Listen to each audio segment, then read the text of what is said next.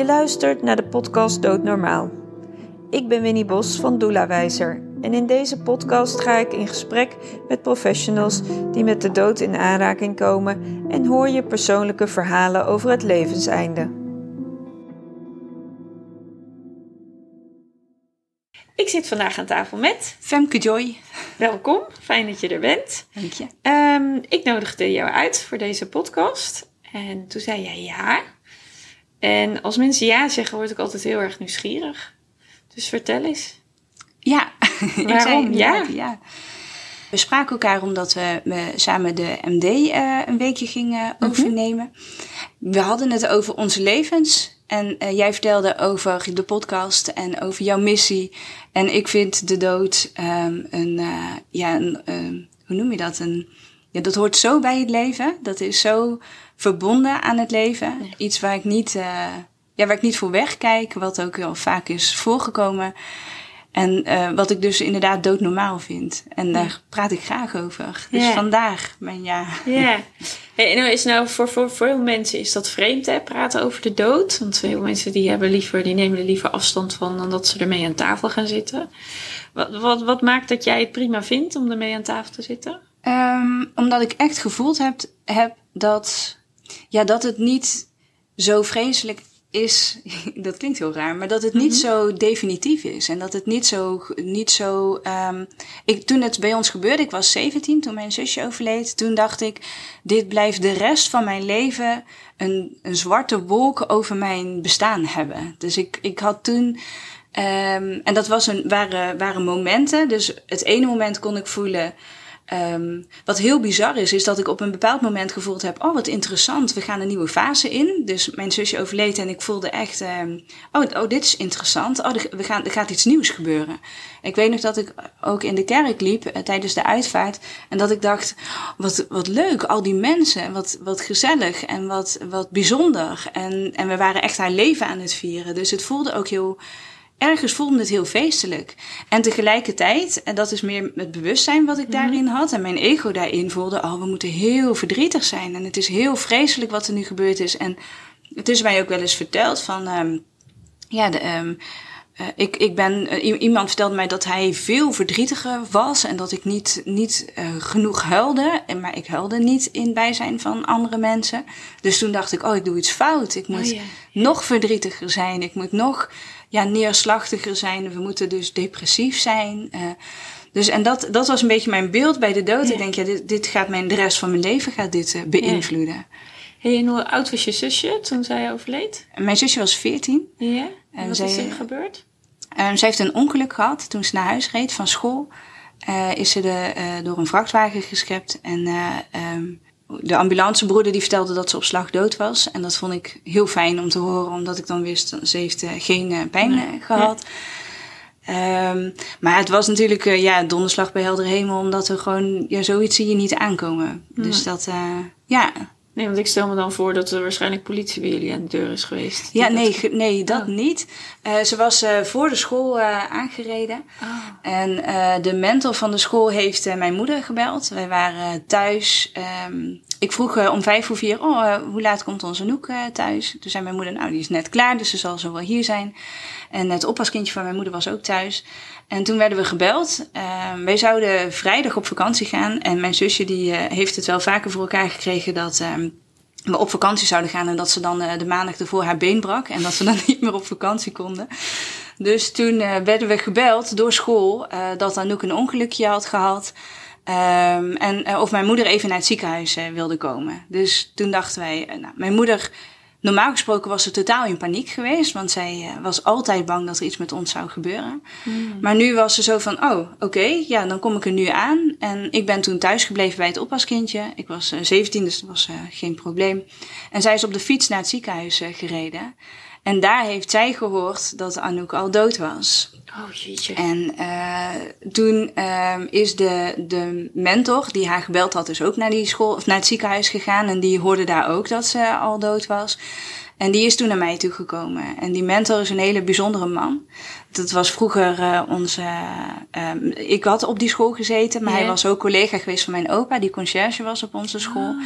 En uh, hij was onze Sinterklaas. Dus we hadden echt ja, een, een, um, ja, een bijzondere band. Geen vrienden, maar wel mm -hmm. echt een geschiedenis met elkaar. En um, hij vertelde mij dat, dat mijn zusje al dood was. Mm Mijn vader die zat in Den Haag, ver weg. wij woonden in Oosterhout. Um, dus die moest nog met de trein terugkomen. En die uh, hadden ze. Uh, ik had per ongeluk het verkeerde telefoonnummer gegeven van mijn vaders kantoor.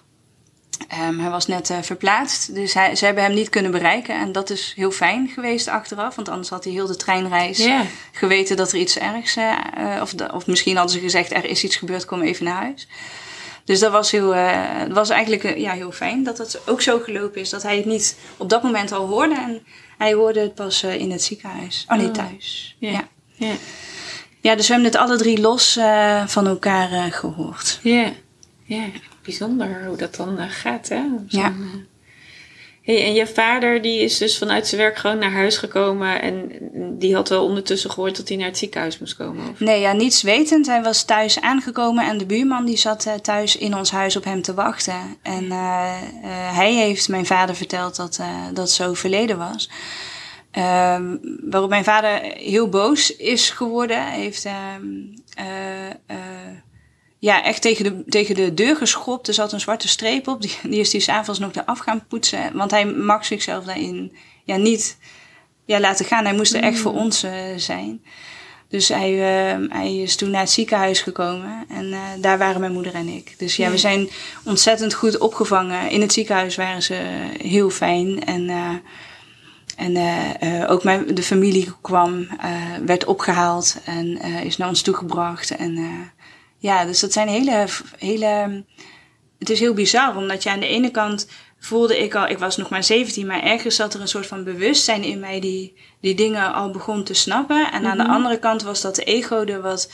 Ja, er was dat zoveel mens, eh, dat, dat, dat hele mens zijn van mij, er was dat zoveel verdriet en, en zoveel boosheid. En dat is nog heel lang, is dat zo uh, gebleven. Ik ben heel lang heel erg boos uh, geweest.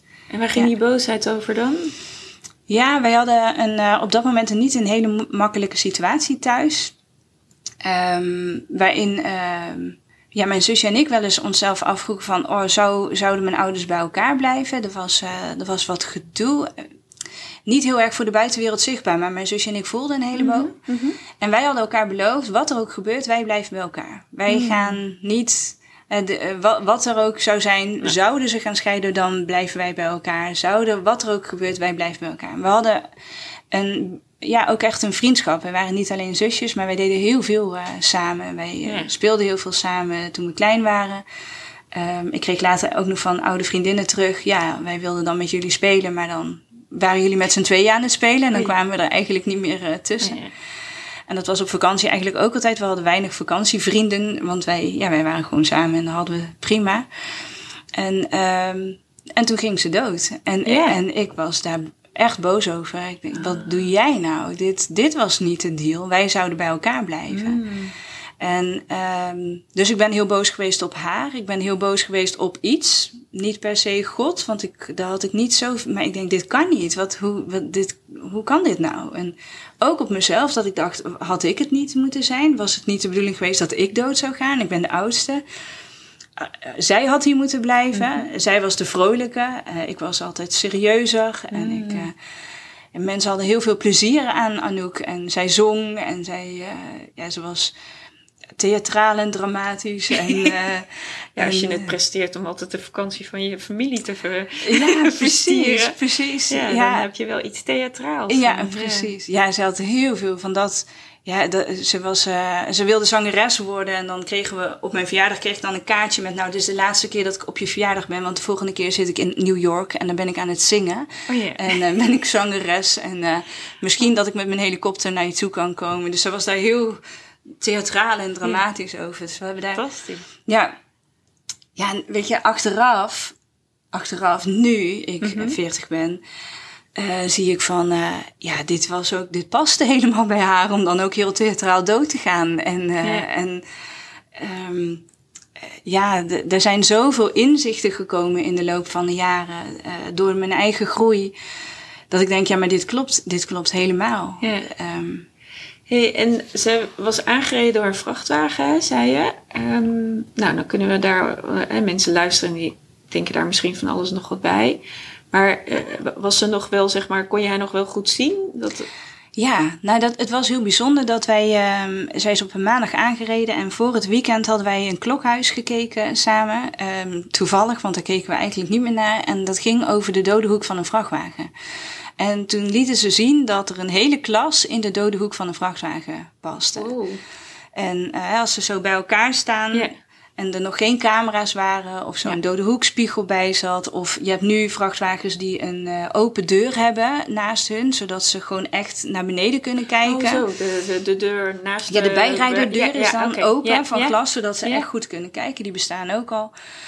Dus wij, wij wisten dat. En ehm, mijn zusje die reed normaal altijd aan de rechterkant van haar beste vriendinnetje. En nu reed ze links. En eh, eh, zij gaan de hoek om en de vrachtwagen heeft hun niet gezien. Die moest ook de hoek om. En hij heeft haar aangetikt, waardoor ze voor zijn banden is eh, gevallen. Maar niet, ja, ze was nog heel mooi. Ze was nog heel goed te zien. Dus we hebben, ja, we hebben haar echt nog gezien. Ze, had, ze had een schrammetje, maar ze was, ja, ze was prachtig. Ja. Ze zag er nog super mooi uit. En we hebben er bij ons thuis in haar slaapkamer heeft ze opgewaard gelegen. Dus ik kon ieder moment konden we daar naartoe. En ehm, de begrafenisonderneming was fantastisch. Die zeiden van. eh, ehm, als wij ook bezig waren, dan vroegen ze aan mij van wil je kijken wat we doen? Wil je Oh, erbij ja. zijn? is jouw zus. Oh, dus, wat fijn eh, omdat ze ze je dus ook betro- bij betrokken. ja, Ja. ja. was heel bijzonder. En was een Indische man. Wij zijn Indisch. Mijn vader komt uit Indonesië. En, eh, eh, dus dat, hij voelde heel erg eigen. En ehm, Lex heette die.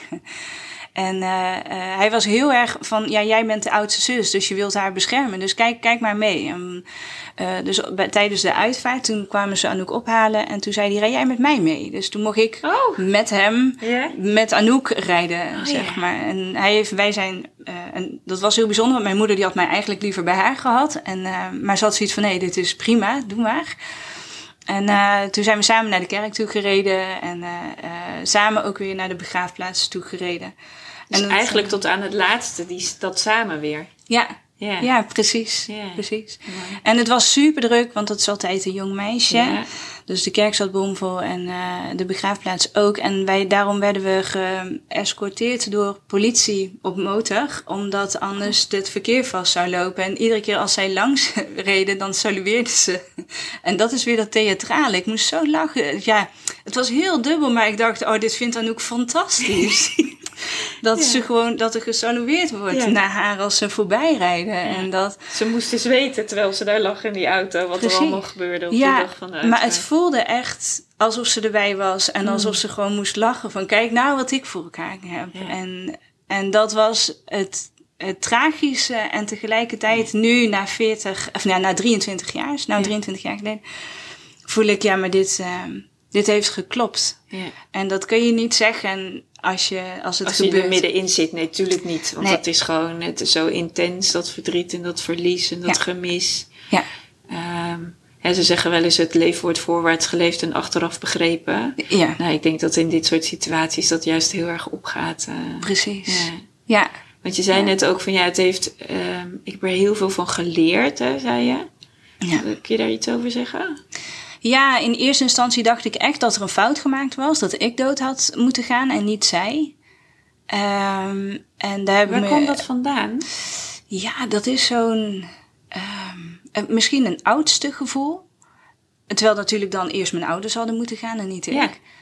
Eh, een soort van schuldgevoel dat ik het leven nog mag leven. Hmm. Ehm, ook een boosheid van ja, maar dit, ik, dit, ik heb helemaal geen zin om dit zonder haar te doen. En ik, eh, ik heb me ook heel lang, echt heel erg lang, ja, misschien tot, tot voor kort, altijd alleen gevoeld. Het gevoel van ik, ik hoor samen te zijn met haar en ik, en ik ben nu gewoon alleen, alsof ik echt een Ja. ledemaat miste.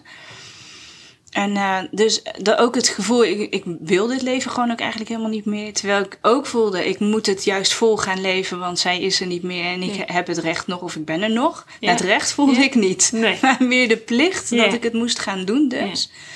ja, dat was heel, heel, ehm, daar heb ik echt lang mee, eh, mee geworsteld.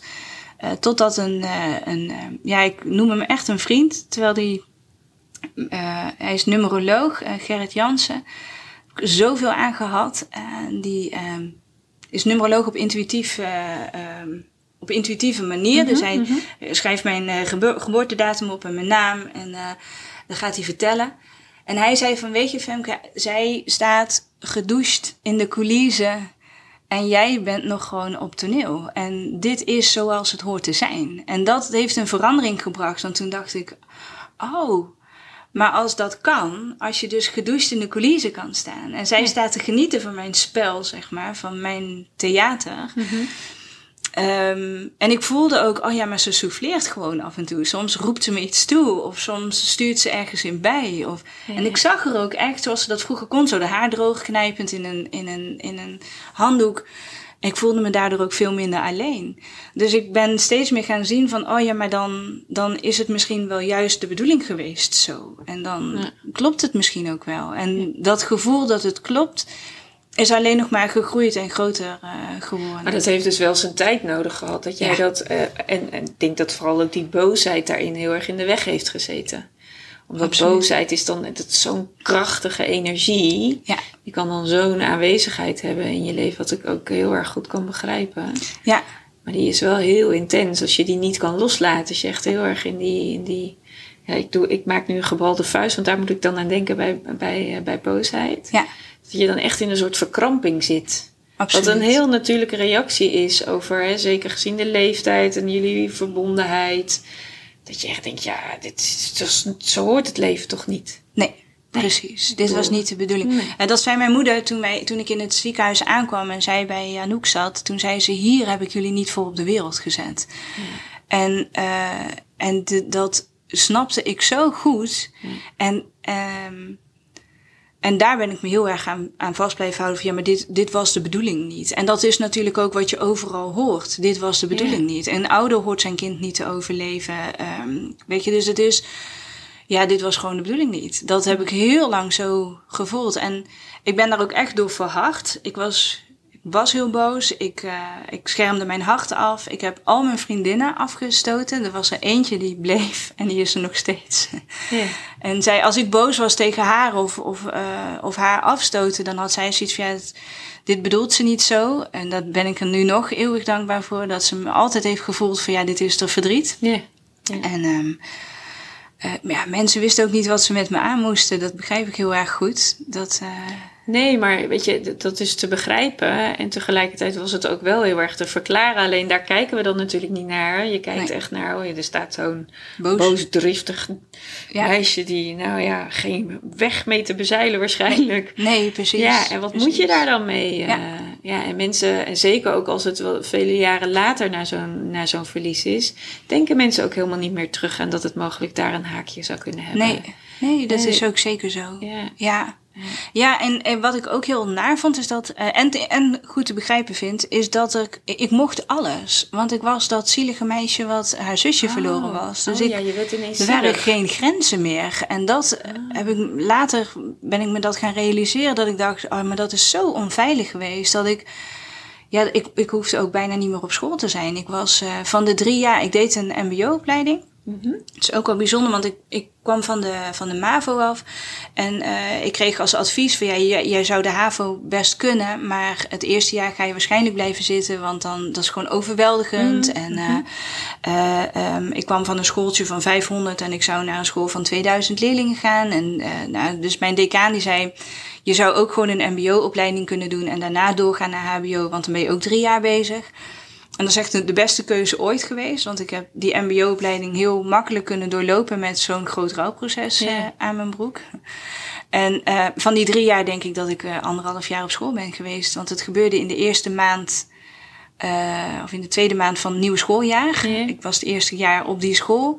En ik ging eigenlijk altijd eerder uh, naar huis. En ik kwam altijd te laat. Samen met mijn vriendin. Uh, die, niet, ja, die niet wegging. Mm -hmm, mm -hmm. en wij, wij waren heel weinig op school. En, of ik, en mijn moeder vond het heerlijk als ik thuis was. dat vond ze gewoon heel prettig om mij. Ja, ik kan me ook voorstellen dat het voor haar natuurlijk zoiets is van: oh, maar als ik er maar in zicht heb, dan weet ik dat ik er in ieder geval niet verlies. Ik kan me dat gevoel voor je moeder, hè, als ze dan zou zeggen: ja, daarvoor heb ik je niet op de wereld gezet om je te verliezen, wat een hele logische reactie is. Precies. Uh, en dan te weten waar jij bent, ja, ja dat kan me wel heel goed voorstellen. Ja. Dat dat veilig voelt. Ja, absoluut. Ja. Zeker. En dat, en dat voelde ik ook. En wij woonden uh, bij de afrit van de, waar de ambulances uh, altijd reden. En wij, toen Anouk er nog was, wisten wij als wij een ambulance zagen rijden in Oosterhout, oh, dan moeten we nu snel naar huis. Want mama heeft die horen uitrukken. Dus waarschijnlijk is ze nu al bang dat er iets met ons is. Dus zo, dat zat er altijd al, al in. Ja. En dan kun je je voor, afvragen van heeft ze dit altijd voor voelt? Ja, dat weet ik niet. En zo, nee. denk, zo voelt het voor mij niet. Maar het is gewoon echt een, een soort van angst die in onze familie geleefd uh, heeft. Ja. En, um, um, maar het is wel iets wat wij altijd wisten. Dat we ja. dan gewoon snel naar huis toe, uh, toe ja. moesten. Dus. Hey, en, en je zei, uh, het, het, er was iets gaande in ons gezin. Hè? jij bent onderdeel samen met je vader en je moeder van dit grote verlies. Wat heeft het met je ouders gedaan? Ja, um, nou, mijn ouders rouwden allebei op een verschillende manier. En, uh, en daar hebben ze elkaar heel erg in proberen te volgen. Um, en dat is. Uh, mijn moeder is er ontzettend van gegroeid. Dus mm -hmm. zij was vroeger een vrouw die niet alleen naar Tilburg uh, durfde te rijden. Dat is 20 minuten met de auto. Dus mijn vader die moest haar naar mij toe brengen toen ik uiteindelijk op mezelf mm -hmm. ging in Tilburg. En uh, ja, maar en nu uh, uh, reist ze alleen, gaat ze alleen op vakantie, zeg maar. Dus zij, uiteindelijk zijn zij gescheiden. Maar en dat is, ja, zij zijn echt uit elkaar gegroeid door de ja. verschillende manieren van rouwen. Ja. Um, is, uh, ja, dat ging niet, uh, niet meer. En ja, dat is. Weet je, voor, voor mij klopt het. En ik, ik heb een hele bijzondere band met mijn moeder en een hele bijzondere band met mijn vader.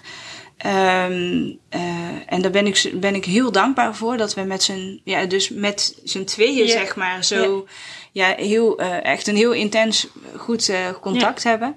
Maar samen ging dat, nee. met hun samen ging dat niet. Ja, dat hoor je vaker hè, als ouders een, een kind verliezen, dat dan vaak ze elkaar verliezen in het, in het verwerken van het verdriet. Ja. Ja, dat precies. je dat zo anders doet.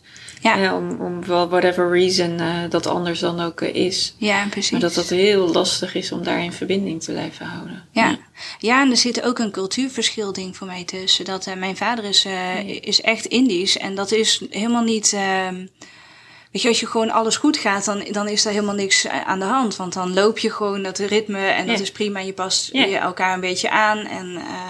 Maar als ik nu terugkijk, dan denk ik, oh ja, maar dit is wel hè, zoals mijn vader het rouwproces van mijn, van mijn zusje heeft gedaan. Zo zie ik dat in de, in, bij mijn oma bijvoorbeeld ook. Mm. Uh, dus er is een, zij, hij heeft een hele mooie verbinding met Anouk en hij praat altijd met haar. Hij praat ook met mij als ik er niet ben. Dan praat hij tegen onze foto's en... Mm-hmm. Uh, en dat, en dat is heel, voor hem heel ondersteunend en heel fijn. En mijn moeder die rouwt ja, vanuit haar tenen, zeg maar. Dus die heeft daar heel veel verdriet en heel veel, die geeft daar heel veel uiting aan. Of gaf daar heel veel uiting aan. Die heeft daar, is daar heel erg op een hele andere manier doorheen gegaan. En als ik met mijn oma spreek, spreek over bijvoorbeeld het, uh, het uh, kamp waar ze in heeft gezeten mm -hmm. in uh, Indonesië. Ja, dan focust ze zich ook op de goede kant en op de fijne kant. En, op de, en dat, dat, is haar, dat is haar manier om dat goed te, te kunnen leefbaar te kunnen yeah. houden, zeg maar. Yeah. Dat, is, ja, dat is weer een andere manier dan anderen dat doen. Zonder Zeker. daar een verschil in te maken aan uh, een waarde aan te hechten of een, of een oordeel over te hebben, is dat gewoon ieder zijn eigen manier, maar die gaan niet altijd samen. Nee. Nee, en dat is ook oké, okay, dat je daarin, want dat is ook weer, vind ik, iets krachtigs als je elkaar in elkaars waarde laat. Ja ook al is dan het gevolg dat je elkaar verliest. Ja. He, want hoe precies. intens is het als je al een kind bent verloren, dat je dan ook nog eens je elkaar verliest. Ja. En ja. voor jou eh, als zijnde dat je je zusje bent verloren, dat je dan eigenlijk ook nog eens het gezin he, verliest, wat dan uh, verdwijnt. Wat ook weer gewoon iets met jou doet. He, dus dan heb je eigenlijk verlies op verlies. Uh, ja. En natuurlijk is verlies bij leven iets anders dan verlies bij dood. Maar stil, het is nog steeds verlies. Ja, zeker. En dat moet je natuurlijk wel ja. uh, containen. Ja. Nou ja, en het voelde... Um, uh, het verlies bij leven voelt voor mij heftiger dan verlies bij dood. Omdat de dood van Anouk heel schoon was. Er was, zat mm. geen ruis tussen. wij wisten dat zij wist dat we heel veel van haar hielden, houden. Ik weet dat zij heel veel van ons heeft gehouden. Er, waren geen, er was geen ruis. Het was gewoon allemaal heel erg mooi. En de, on- de uitvaart was ook alleen maar mooi. Er was, Ja. dus, en dat ehm, verlies bij het leven doet pijn omdat je elkaar tegen blijft komen. En eh, ja, er allerlei schuld- en schaamtegevoelens tussen kunnen zitten. En ja, dus dat is ook rouw. Dat is Ja. ook, ehm, ja, Zeker. dat is ook heel heftig. Ja. Ja, en het is, en, en het is confronterend omdat je, eh, denk ik, bij leven, omdat je steeds weer opnieuw het gesprek met elkaar erover kunt aangaan. Wat ook niet altijd gebeurt. Eh, maar dat dat soms ook, doordat dat niet gebeurt, de pijn alleen maar nog groter maakt. Ja. Omdat je dan die ongemakkelijkheid voelt. Terwijl ja, echt weg en niet meer kunnen spreken, wat ook weer niet helemaal waar is. Want jij zegt zelf, ja, ik heb nog wel eens verbinding met Ja, haar. zeker. Ja, maar dat is natuurlijk een andere manier van spreken dan dat je echt daadwerkelijk fysiek iemand tegenover je hebt zitten. Maar dat is wel echt een an- dat brengt iets anders teweeg. Ja. Want hoe heb jij contact met Anouk dan? Wat, hoe gaat dat voor jou? Ja, ik heb. ehm, eh, voor mij hebben mijn ouders een miskraam gehad. Ehm, Ik heb altijd ge- eh, gehoopt dat ik een broer had. En dat, eh, ik wist niet van de miskraam af. En ik, eh, dus ik heb ook altijd gefantaseerd dat ik een broer had. En die had ik een naam gegeven. En dat, daar fantaseerde ik over. Eh, ik vond het niet heel leuk om de oudste te zijn. En eh, nou, hij was ouder dan ik, voor mijn gevoel.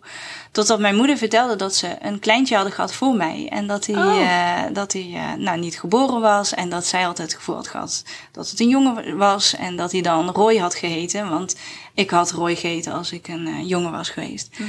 En eh, toen dacht ik, oh, oh, dus ik heb wel een broer. Ja. En dus ik heb hem altijd gevoeld. En ik heb ook altijd gevoeld dat ik iemand had die, die heel een mannelijke energie die achter mij stond en die mij hielp. En ja, dat, eh, de- dus toen klopte het in één keer. Ja. Ehm, en eh, nou, toen overleed Anouk en ik voelde heel erg, ze is zo dichtbij. Soms kon ik er niet missen omdat ze zo dichtbij was. En, dan, en dat vond ik raar en, en ergens ook wel fijn, maar het maakte me ook boos, want ik was natuurlijk heel boos. Ja.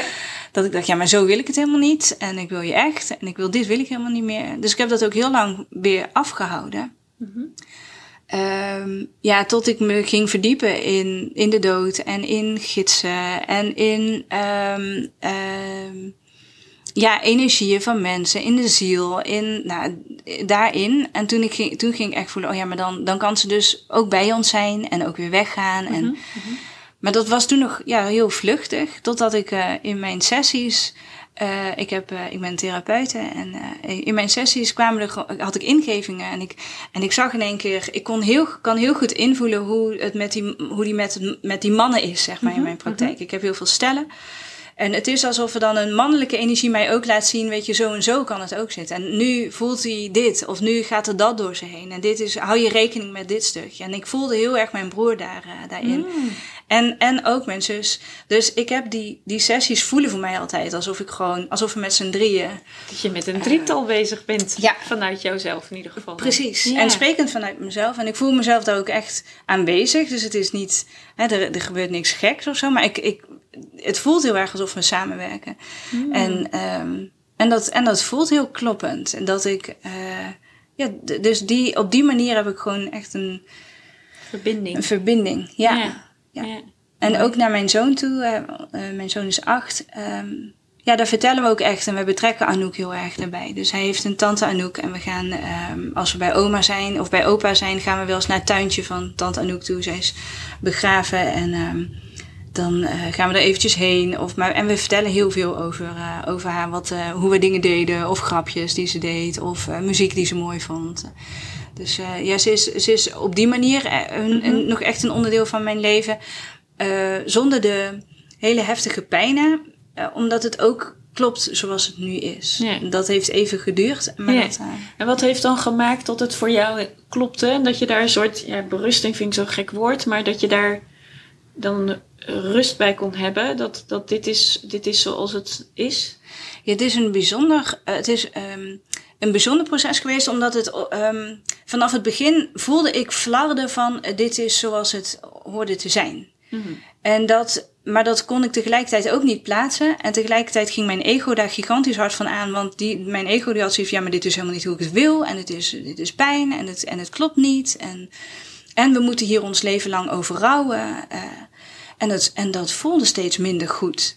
En dan had ik weer momenten dat ik echt intens gelukkig was. En dat ik voelde, oh, het is het leven mooi en wat geniet ik. En dan voelde ik haar altijd heel dicht bij me. Dat we samen aan het genieten waren. En, en uh, dan was ik bezig over mijn missie, wat ik hier te doen heb op deze wereld. En dan voelde ik zo die steun van zowel mijn broer als mijn zus bij mij. Als alle gidsen die daarbij zijn. Als als ik dan zo'n flow voelde, dat alles liep en alles lekker ging, dacht ik, ja, maar dit, het klopt gewoon helemaal. Er is niet, ik had niet nu een zus naast me moeten hebben die op de koffie komt met haar kinderen. En ook al zou ik dat heel tof gevonden hebben, dat, maar het voelde ook dat het klopt zoals het nu klopt. En dat beet elkaar continu. Want dat bewustzijn dat voelde het klopt en het is zoals het is en het is helemaal goed. En het ego dat zei dan ja maar dat kan niet want we moeten ons leven lang rouwen. En we moeten ons leven lang de zus, de rouwende zus mm. zijn. En de rouwende moeder en de rouwende vader. En het klopte niet. En ik heb in een ruzie, of in een ruzie, in een, in een pittige discussie met mijn moeder wel eens gezegd: jij blijft continu die rouwende moeder. En dat ik dacht, oh ja, maar dat. En mijn ego dacht, ja, maar dat hoort ook zo. Dat, En mijn bewustzijn dacht, ja, maar dat hoeft helemaal niet. Want je kan ook genieten. Je hebt, je hebt, we hebben nog zoveel. En zij is erbij. En uh, dus dat was iedere keer in botsing met elkaar. En dit zijn ook geen dingen die je tegen iemand kan vertellen. Ja, ik als dochter nam ik dan even het recht dat wel op dat moment te mogen zeggen. Ja, precies. En zij, zij voelde ook, uh, en we hebben er zo mooie gesprekken over gehad, uh, ook samen, dat ze zei, maar het is zo eng om te voelen dat het klopt. Want dat lijkt alsof ik tegelijkertijd zeg: Oh, dus prima dat ze er niet meer is. Oh, helemaal goed. Ja, het is bijna het ontkennen dan van haar bestaan. Hè? Dat, Zo voelt dat. Ja. ja. Terwijl dat het niet, dat, eh, juist niet is, want we erkennen juist helemaal dat ze er is. Zelfs nu nog. Maar dat is heel dubbel. En dat is wat. Um, ja, wat, wat ook heel spannend is om uit te spreken. Mijn moeder, die, het is bijna niet uit te spreken dat, dat ze accepteert dat Anouk overleden is. Of dat ze mm. accepteert dat Anouk dood is. Want dat, ja, dat, ons ego die gaat daar direct van aan. Ja, dat kan niet. Hier kunnen we het gewoon niet mee eens zijn. En, en, en ik voel nu dat het klopt. En dat wij hier allemaal voor gekozen hebben. Dat Anouk en ik en, en ook Roy, dat wij, en mijn moeder en mijn vader, dat ons hele systeem, hoe breed dat dan ook is, uh, gekozen heeft voor dit leven. En dat zij dood zou gaan. En dat we dan samen verder zouden gaan op een andere manier. Ja, op een energetische manier noem ik dat dan altijd. Precies. Ja. en dat is niet iets wat je. Ehm, maar dat vinden veel mensen lastig, hè? Als jij zegt: dit is het leven wat wij gekozen hebben, ja. dan wordt het voor heel veel mensen wordt het een beetje spooky. Hoezo kies je voor je leven? En hoezo heb ik dan, hè, want dat is eigenlijk een beetje wat je indirect zegt. Ik geloof het hoor, maar dat je je eigen moeder en je eigen vader hebt gekozen. En dus ook je zusje en je broer. Eh, dat dat allemaal keuzes zijn geweest. Dat jij hebt gekozen voor dat gezin waar jij in bent ja. opgegroeid. Nou, en het is ook heel pijnlijk. Want sommige mensen komen natuurlijk in een gezin waar misbruik plaatsvindt. Ja. Of waar. En dat, weet je, dat, dat.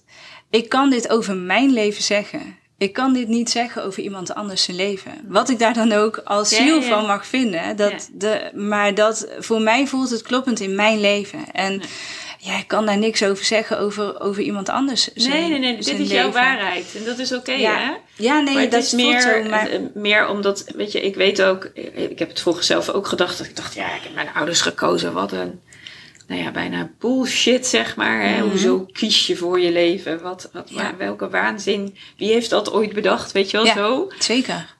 Um, ondertussen weet ik al jarenlang uh, de, beter dat het echt wel is dat je hier nou ja, dat ik echt wel geloof wat jij ook zegt. Hè? Je kiest ergens voor. En dan ontstaat er om je heen wat er ontstaat. En zo heb ik bijvoorbeeld een zusje waarmee ik niet kan communiceren. Hè? Wij, hebben gewoon geen contact. Nee. Het is altijd ons hele leven lastig geweest. Ik, ik kan me weinig momenten herinneren dat ik wel met haar door een deur kon. Nou ja, ik heb gewoon mijn hele leven altijd gedoe gehad met mijn zusje. Ja, ja heb ik voor gekozen. Eh, kan ik nu begrijpen waarom dat is? Ja, ik kan het begrijpen. Uh, maar het is wel een hoop gedoe geweest, zeg maar. Hè? Precies. Ja. Dus, uh, dus ik geloof ook heel erg in dat kiezen. Maar ik weet ook dat er heel veel mensen zijn dat als ik dit soort verhalen dan ook wel eens vertelde. Die me dan echt een beetje hoofdschuddend aan zitten te kijken. Zo van, uh, hoe denk jij dat de wereld gecreëerd is? ja. Maar ja, en dat is ook oké, hè? Iedereen mag zijn eigen waarheid daarin hebben. Ja, absoluut. Ja, absoluut. Dat is helemaal goed. Ja. ja. Ja, en weet je wat het, wat het me brengt, is dat. Um, op het, op het moment dat ik echt dacht dat me alles aangedaan werd. En dat ik uh, dat, um, ja, daarin lag geen keuzevrijheid meer, geen vrije wil meer. Ik, en ik voelde heel duidelijk van, um, ik, ik kan niet, ik kan zelf kiezen hoe ik hier dan weer mee omga. En ik kan hier iets uithalen. En toen ik ging zien dat ik iets uit haar dood kon halen. En dat ik iets uit. De, we hebben legio reacties gehad van mensen. En, en heel veel hele mooie, maar ook, ook reacties die helemaal niet zo heel mooi waren. Vanuit hun um, en wat, onbewuste. Kun je daar een voorbeeld van noemen? Ja, wel, er was uh, een, um, een leraar op bij mij op school. En die zei van, uh, goh, uh, jou, jouw zusje is overleden, ja. Uh, goh, hoe is dat dan precies gebeurd? En dat is natuurlijk niet per se een hele mooie vraag om te stellen aan een meisje van 17. Dus ik zei, ja, ze is, ze is door een vrachtwagen geschept of overreden. Ik weet niet precies hoe ik het gezegd heb. En toen zei hij, oh ja, dus is eigenlijk een soort van verpletterd. En dat was... En ik snap nu, ja, die man die wist gewoon niet wat hij moest zeggen. En hij wilde ergens waarschijnlijk gewoon vriendelijk en aardig tegen me zijn. En dat, maar dat was niet. Dus mijn vriendin die stond naast mij, die, die, die, werd, die was meteen kwaad. Die had zoiets van: wat is dit? En ik was er een beetje uit. Ik dacht, ja. ja, precies, dat is er precies gebeurd met dat beeld, wilde ik niet per se zien. En um, dus ja, en ik, ik weet nu, ik kan nu kiezen, uh, omdat ik een vrije wil heb, kan ik kiezen hoe ga ik hiermee om? En wil ik die man blijven veroordelen? Wil ik dat stom blijven vinden? Of kan ik hieruit groeien? En kan ik zien, oh, dit is een stukje onbewust van hem. Uh, wat doet het met mij? Ja, het, het, het, werd me nog duidelijker wat er gebeurd was. Dus ik kon niet meer in de ontkenning. Het is echt gebeurd. Oké, okay, nou ja, dan daar aan te gaan staan en alle tranen huilen die erbij horen en de boosheid voelen die erbij zat. En ja ja, nu denk ik, ik, het is niet zo dat ik nou denk, goh, dat heeft die man goed gedaan. Helemaal niet. Maar het is wel dat ik voor maar we doen, ja. ja, we doen alles natuurlijk vanuit het, uh, dat punt daar waar we zijn en waar we staan. Hè? Ja. En de een kan daar heel bewust, heeft een heel groot bewustzijn. En de ander die, ja, die, die wordt zo geraakt in ook dat verdriet van die ander of dat gemis of dat wat er gebeurd is. Die, ja. die kan alleen maar, nou ja, dit soort gekke woorden er, of gekke woorden, ja, dit soort woorden eruit zetten. Wat voor hem ja. ja, op dat moment gewoon klopt. Ja. Um, maar het is terecht wat je zegt, alles is een keus. Iedere keer weer opnieuw, in ieder moment met alles wat er in je leven gebeurt. Ja. En natuurlijk zijn sommige keuzes daarin soms best heel pittig. Zeker als, als je hè, te maken hebt met het verlies zoals jij dat hebt meegemaakt. Ja, bedoel, nee, je, je ouders overleven hun kind, jij overleeft je zus. Uh, nou, noem alle redenen maar op om te zeggen: Oké, okay, nou, ik ga in de stoel hangen, ik ben nu slachtoffer. Ja, precies. En het is echt heel erg met me.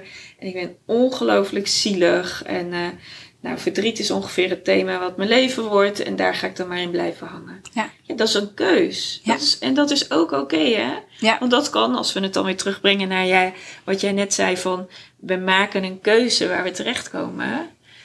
Uh, dan kan dat ook de keuze zijn wat je te leren hebt hier. Ja. Dat je dus in dat verdriet hangt om waarschijnlijk nog heel veel verdriet van weet ik veel hoeveel generaties van tevoren je Ja. hebt meegemaakt, om die dan te verwerken. Precies. Ja. Ja, en, dat, en, en het mooie is dat.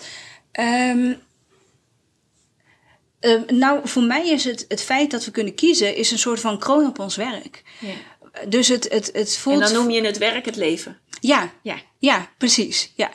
De, de kroon op de groei die we doormaken. En voor mijn gevoel kiezen we een le- of hebben we een leven om te groeien. Mhm. Dus uh, niet om, uh, om te werken, geld te verdienen en op vakantie te gaan. Maar voor mijn gevoel hebben we een leven om te groeien. En uh, als ziel daar iets uit te halen. Ja. En in veel gevallen zelfs nog elkaar mee te helpen om te groeien. En voor mij is, het, is die visie is een kroon op ons, op ons leven, een kroon op ons werk. Want als we dat kunnen zien, dan, uh, ja, dan, zijn, dan overstijgen we een stukje, uh, um, zonder daarin waardeoordeel te, Ja, te ja, hebben, ja, maar zonder, dan overstijgen we een stukje van het, van, want wij, hier als, wij modderen hier als mensen op deze wereld een heleboel aan.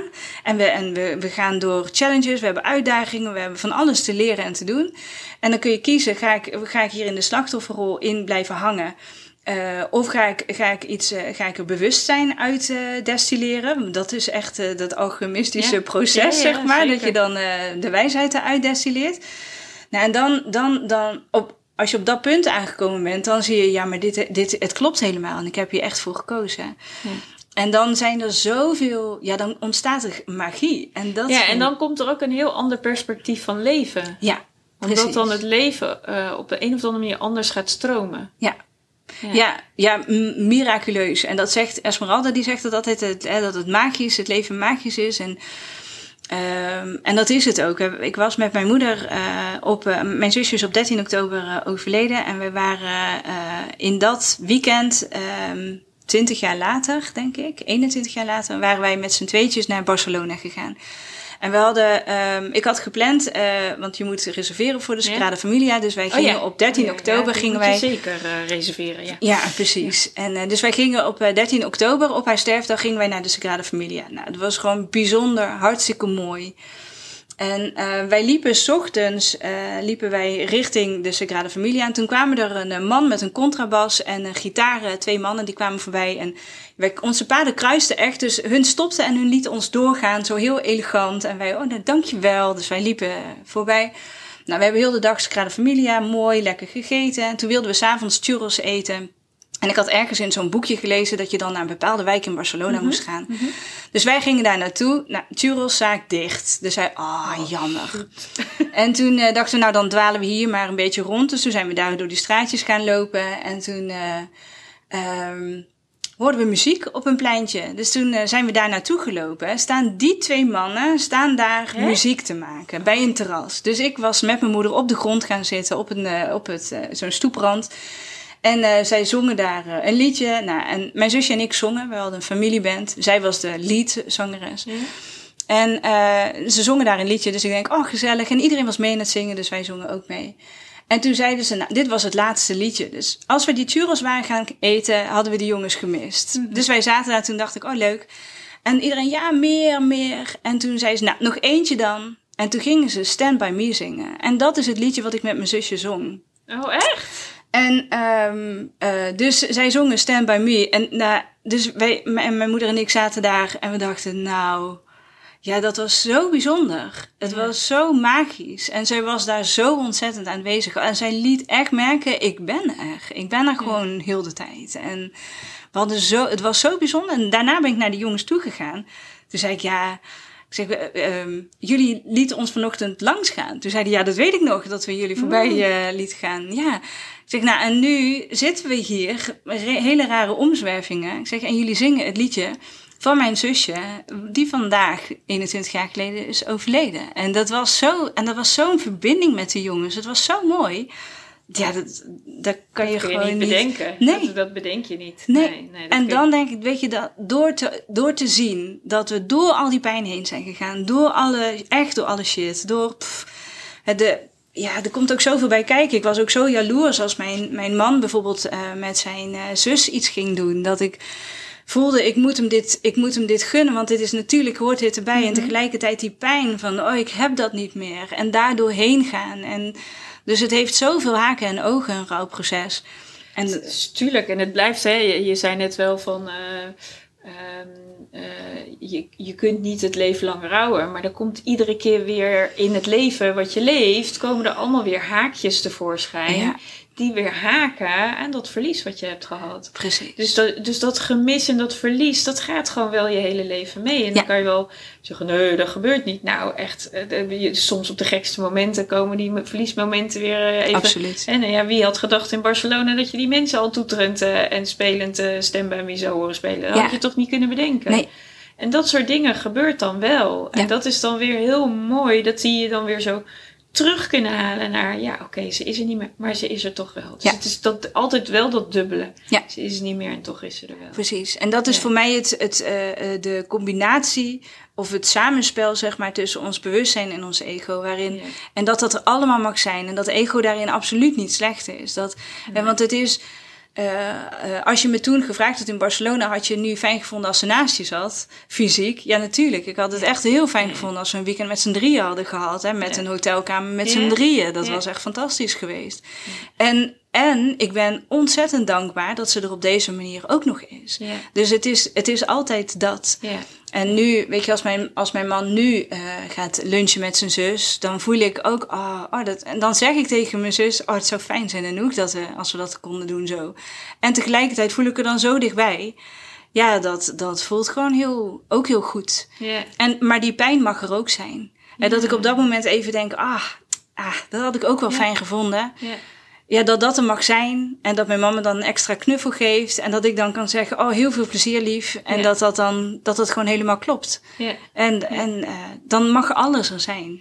Ja, want uiteindelijk wat je daarmee zegt, hè, is dat in pijn, en dood is natuurlijk ook pijn, of alles rondom verlies is pijn. In die pijn zit ook heel veel schoonheid. Ja. Alleen het is wel een, een eh, je moet het wel kunnen zien.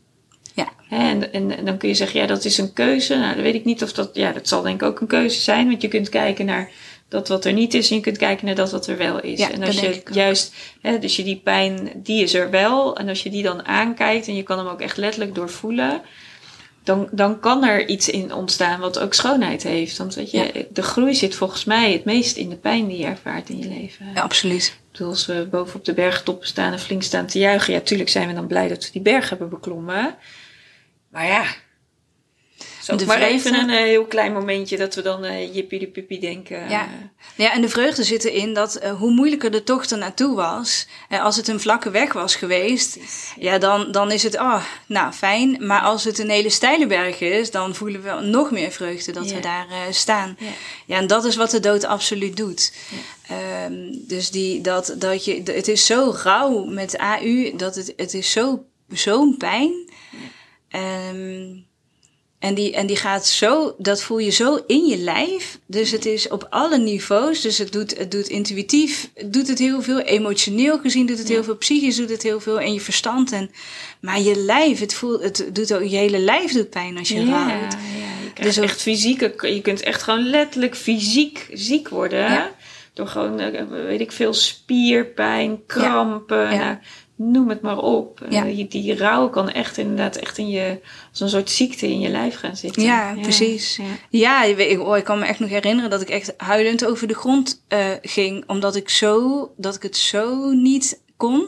Ja. En, en dat duurt niet heel lang. Maar op het moment dat je erin zit, lijkt dat ja, Alsof eindeloos het, te duren. Precies, ja, alsof het niet ophoudt. Ja, precies. ja. Ja, en ik zeg nu tegen cliënten dat een, een, een, zo'n verdriet, dat duurt, duurt vaak 90 seconden. En, dat, en daarna wordt het lichter en wordt het weer rustiger. En, maar als je erin zit, dan denk je, nou, dit, dit houdt gewoon nooit meer op. Ja. Dit, ik word nooit meer gelukkig. Dus ik, ik was ook zeer verbaasd toen ik in één keer ging voelen dat ik wel weer gelukkig was. En, dat ik, en, en er zit dan tegelijkertijd eh, meteen eerst schuld overheen. Van, oh, maar dit kan helemaal niet, dit mag helemaal niet. Nee. En, ehm, ja, en, en het brengt ook veel angst, eh, de dood. Mij heeft het heel veel angst gebracht. In dat, welke zin? eh, toen ik eh, moeder werd, eh, ik heb eh, voor, ehm, voor het huwelijk met mijn man, mijn huidige man, heb ik een, een, ben ik getrouwd geweest met iemand anders. En we hebben samen een miskraam eh, gehad. En ik ben de, daar ben ik heel bang geweest om het, om het meisje wat ik, waar ik zwanger voor was te verliezen. En eh, ik ben intens bang geweest mijn man te verliezen. Ehm, ik ben toen gescheiden. Dat was minder pijnlijk dan ik had gedacht. Want wij waren samen tot de conclusie gekomen. Wij, eh, wij zijn meer vrienden, beste vrienden. En we zijn meer... eh, ja, dit, dit is niet wat we nu willen. Dus we zijn we uit elkaar gegaan. Heb ik mijn huidige man leren kennen. Ja, en toen werd ik weer, weer zwanger. En ik ben het eerste jaar doodsbang geweest dat er iets met hem zou gebeuren. Ja, snap wel. En eh, ehm, omdat er een miskraam geweest was, dus de hele zwangerschap vond ik heel erg eng. Maar ook omdat het voor mij heel voor de hand liggend is dat kinderen doodgaan. En, eh, Dus dat, dat, ja, en ik heb bij verder echt de keuze moeten maken van ga ik nu genieten en kiezen voor liefde? Of, of blijf ik voor de angst eh, kiezen? Ja. Ehm, hè, dat doe je redelijk onbewust, maar op een gegeven moment voel je een keuzemogelijkheid. Mhm. En eh, toen dacht ik, ja, dan, de, hij verdient de liefde. En hij verdient dat ik er volledig ben. En me niet afsluit voor hem, maar hem echt volledig toelaat. En dat was, ja, dat is een heel groot proces geweest om ja, meer vanuit liefde te gaan leven. Dat was echt het, het, Ja. het moment waarop ik bewust ging worden van bewustzijn en ego. Van, eh, van liefde en angst en van het Maar verstand. dat snap het ik ook wel. Ik bedoel, als je, eh, ik bedoel, er zal vast een moment komen als hij straks 14 is, die heel confronterend is. Maar ik snap het wel dat je dan een keuze moet maken van ja, kan ik, kan ik mijn kind de vrijheid geven, wetende dat hem hetzelfde kan overkomen wat mijn zusje is overkomen. Want dat is natuurlijk iets wat je kent. Ja. En wat in jouw systeem zit als een weten, dat overkomt kinderen. Ja, precies. Ja, en of je nou 14 bent, 8, 5 of 9, dat maakt allemaal niet uit. Nee. Het kan iedereen overkomen. Ja, precies. En hoe heb je dat dan gedaan? Om, dat, om, om, om toch vanuit die liefde, die, die keuze vanuit die liefde te maken? Uh, ja, dat is, dat is echt een groot proces geweest. Naast, naast uh, het proces rond mijn zusje, waar, waar meer rust kwam, is dat toen heel erg, uh, was dat heel heftig.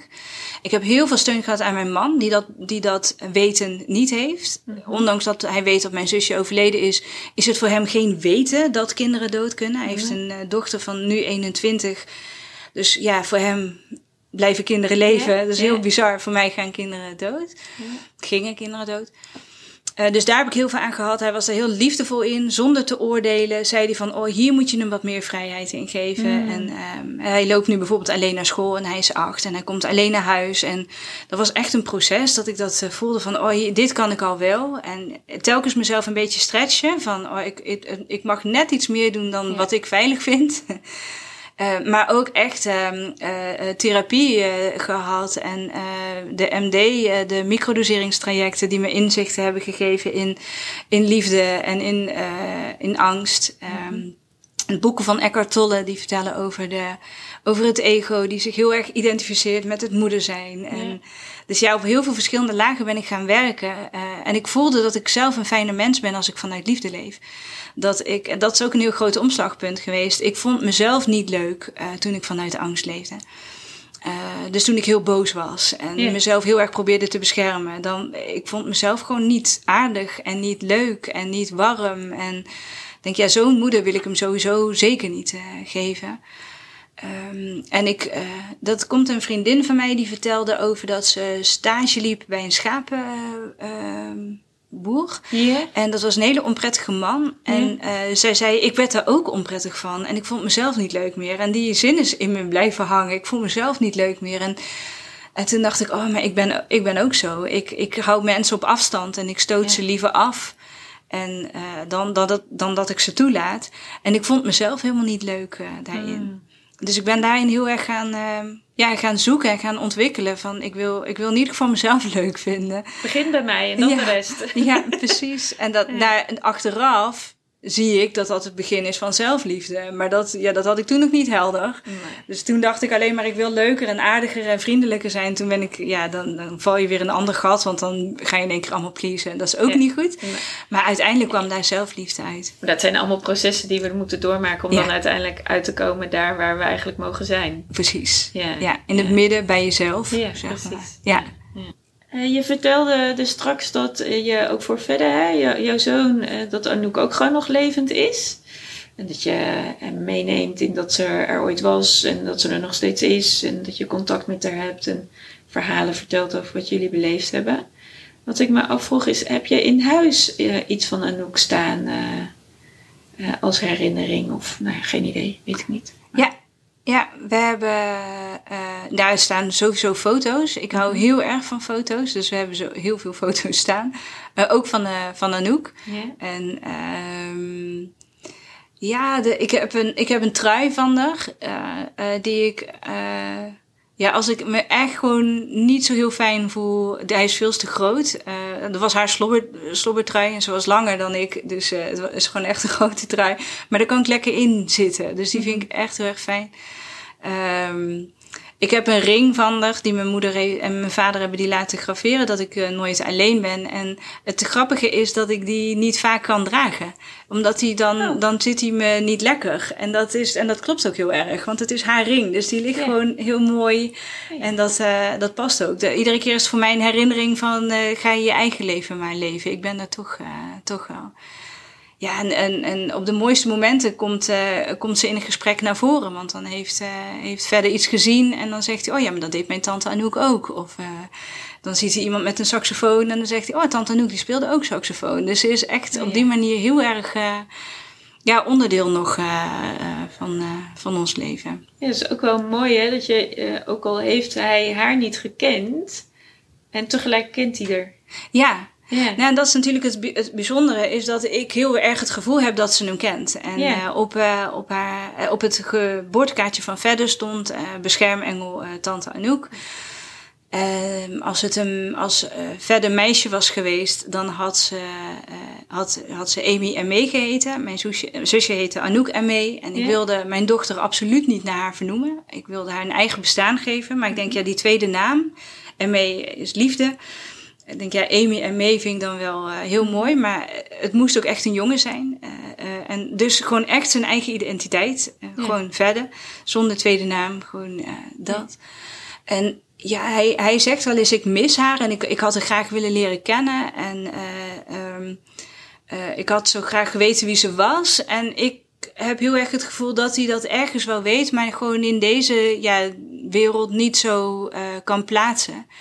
En dat is ook helemaal prima. En, mm. uh, maar ik voel heel erg dat ze, dat ze heel trots is op hem. Dat ze heel, heel, yeah. uh, dat ze heel dicht bij hem uh, is. Ja, en wat, ook, wat ik er ook wel mooi aan vind, is dat verder eigenlijk al als kleinkind opgroeit met de dood. Ja.